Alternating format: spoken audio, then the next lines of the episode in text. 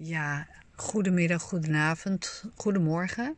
Ik weet niet wanneer je dit afluistert. Uh, ik heb even mijn podcastkanaal bekeken en ik zie aan de analyse dat er heel, heel, heel veel mensen geïnteresseerd zijn in de liefde. Als je mijn podcastkanaal uh, afluistert, dan kan je eigenlijk heel vaak de, uh, de tekst beluisteren. Dat natuurlijk de, de combinatie en hetgene wat je nodig hebt, dat dat hetgene is wat je op je pad krijgt. Uh, want dat is natuurlijk eigenlijk de sleutel. Dat kun je afluisteren vanuit uh, andere, zeg maar, of uh, bij de andere afleveringen. Maar nu wil ik eigenlijk jou heel sterk gaan maken op de liefde. want eigenlijk is de liefde een afhankelijkheid. En uh, hoe kan je je ware liefde vinden? En dat meld ik gewoon natuurlijk ook in andere afleveringen. Is natuurlijk heel zijn in jezelf. Maar ja, hoe kan je dat nou zien?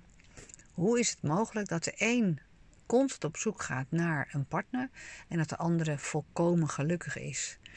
En dat heeft toch absoluut te maken met uh, dat je groeit in je eigen, zeg maar, spiritualiteit, in het eigen zijnstuk, in uh, het niet meer afhankelijk zijn.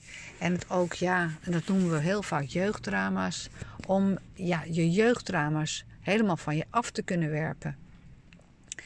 Uh, maar vaak willen we toch een maatje. En in de NLP is het zo dat er gedachte is, uh, en, en dan heb je een gevoel erbij.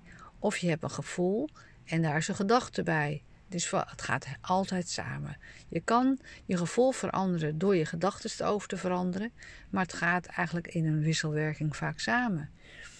Uh, als wij dingen willen veranderen, uh, een doel willen veranderen of een, een, situatie, dan gaan we altijd eerst afbellen in de NLP en in de coaching van nou, waar komt het nou eigenlijk vandaan? Wat is nou de behoefte? En wat heb je meegemaakt uh, in deze situatie?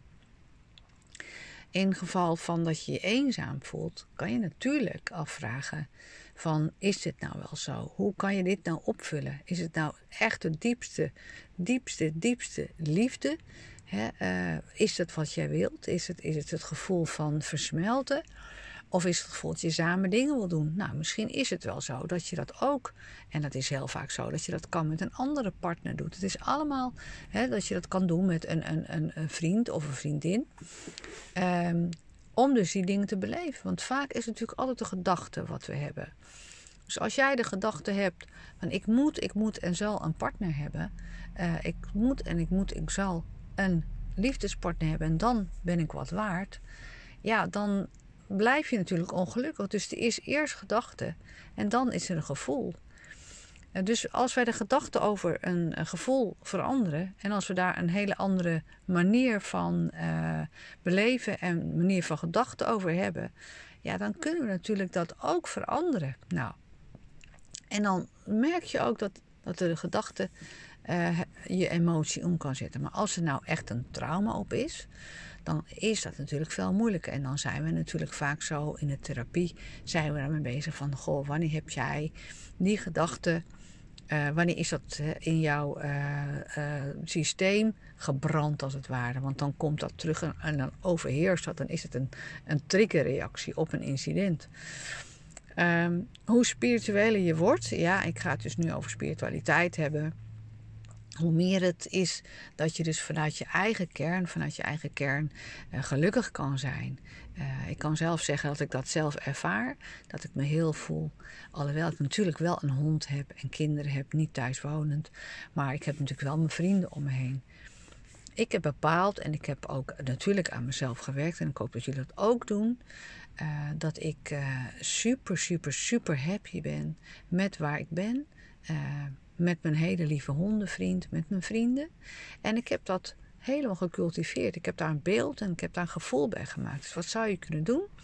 Kijk nou eens in je leven wie voor jou uh, die liefde geeft, die niet altijd die, en dat heb ik in een andere aflevering benoemd.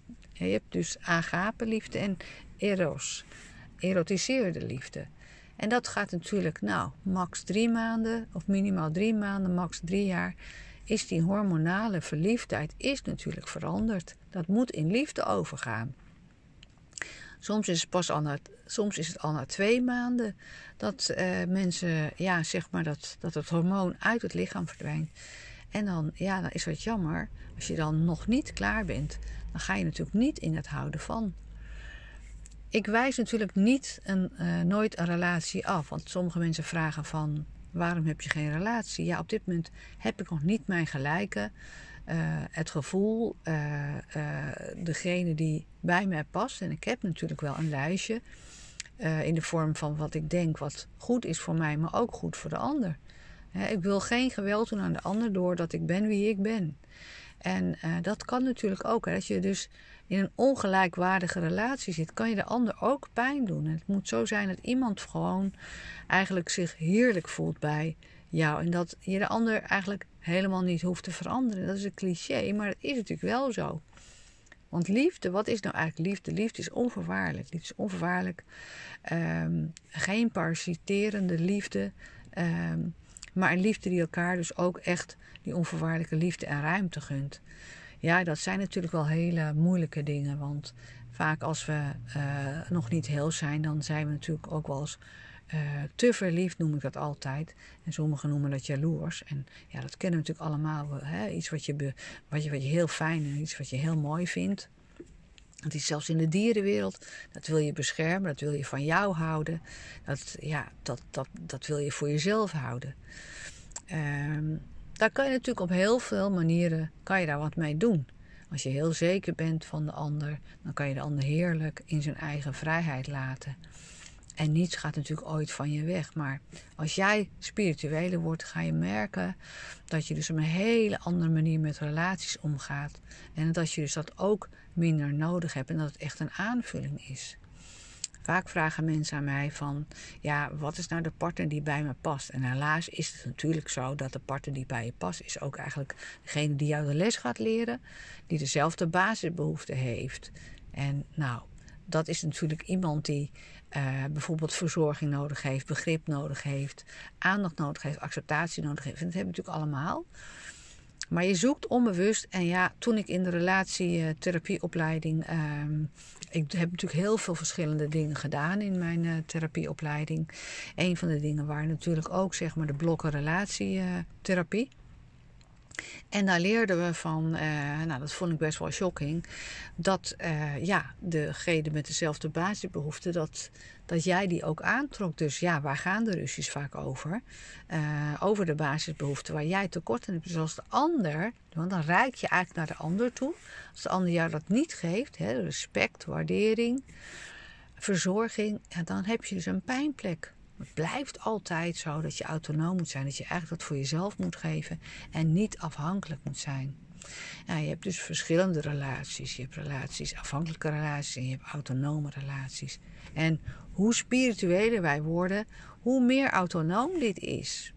En ja, het mag ook zijn dat je mag groeien en uh, je mag uh, uh, oefenen en dan mag je ook echt iemand weer loslaten. Het beste is eigenlijk dat je commitment maakt voor life. Dat je samen mag groeien.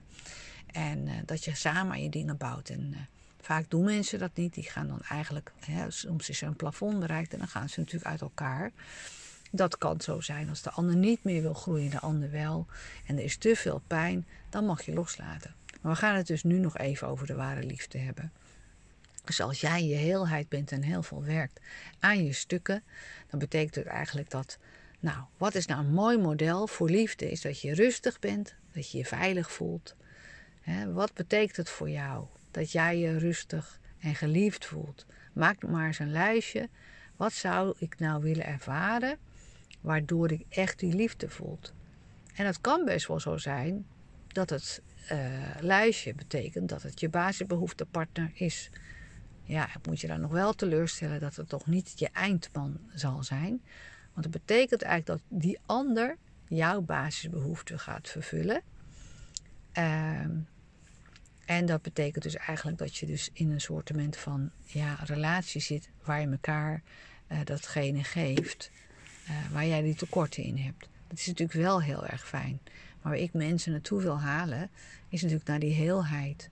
Dat het eigenlijk ook als de ander dat niet even geeft aan jou, die waardering en die verzorging, Dat je dan toch stiekem weet van hé, hey, natuurlijk heb je het nodig.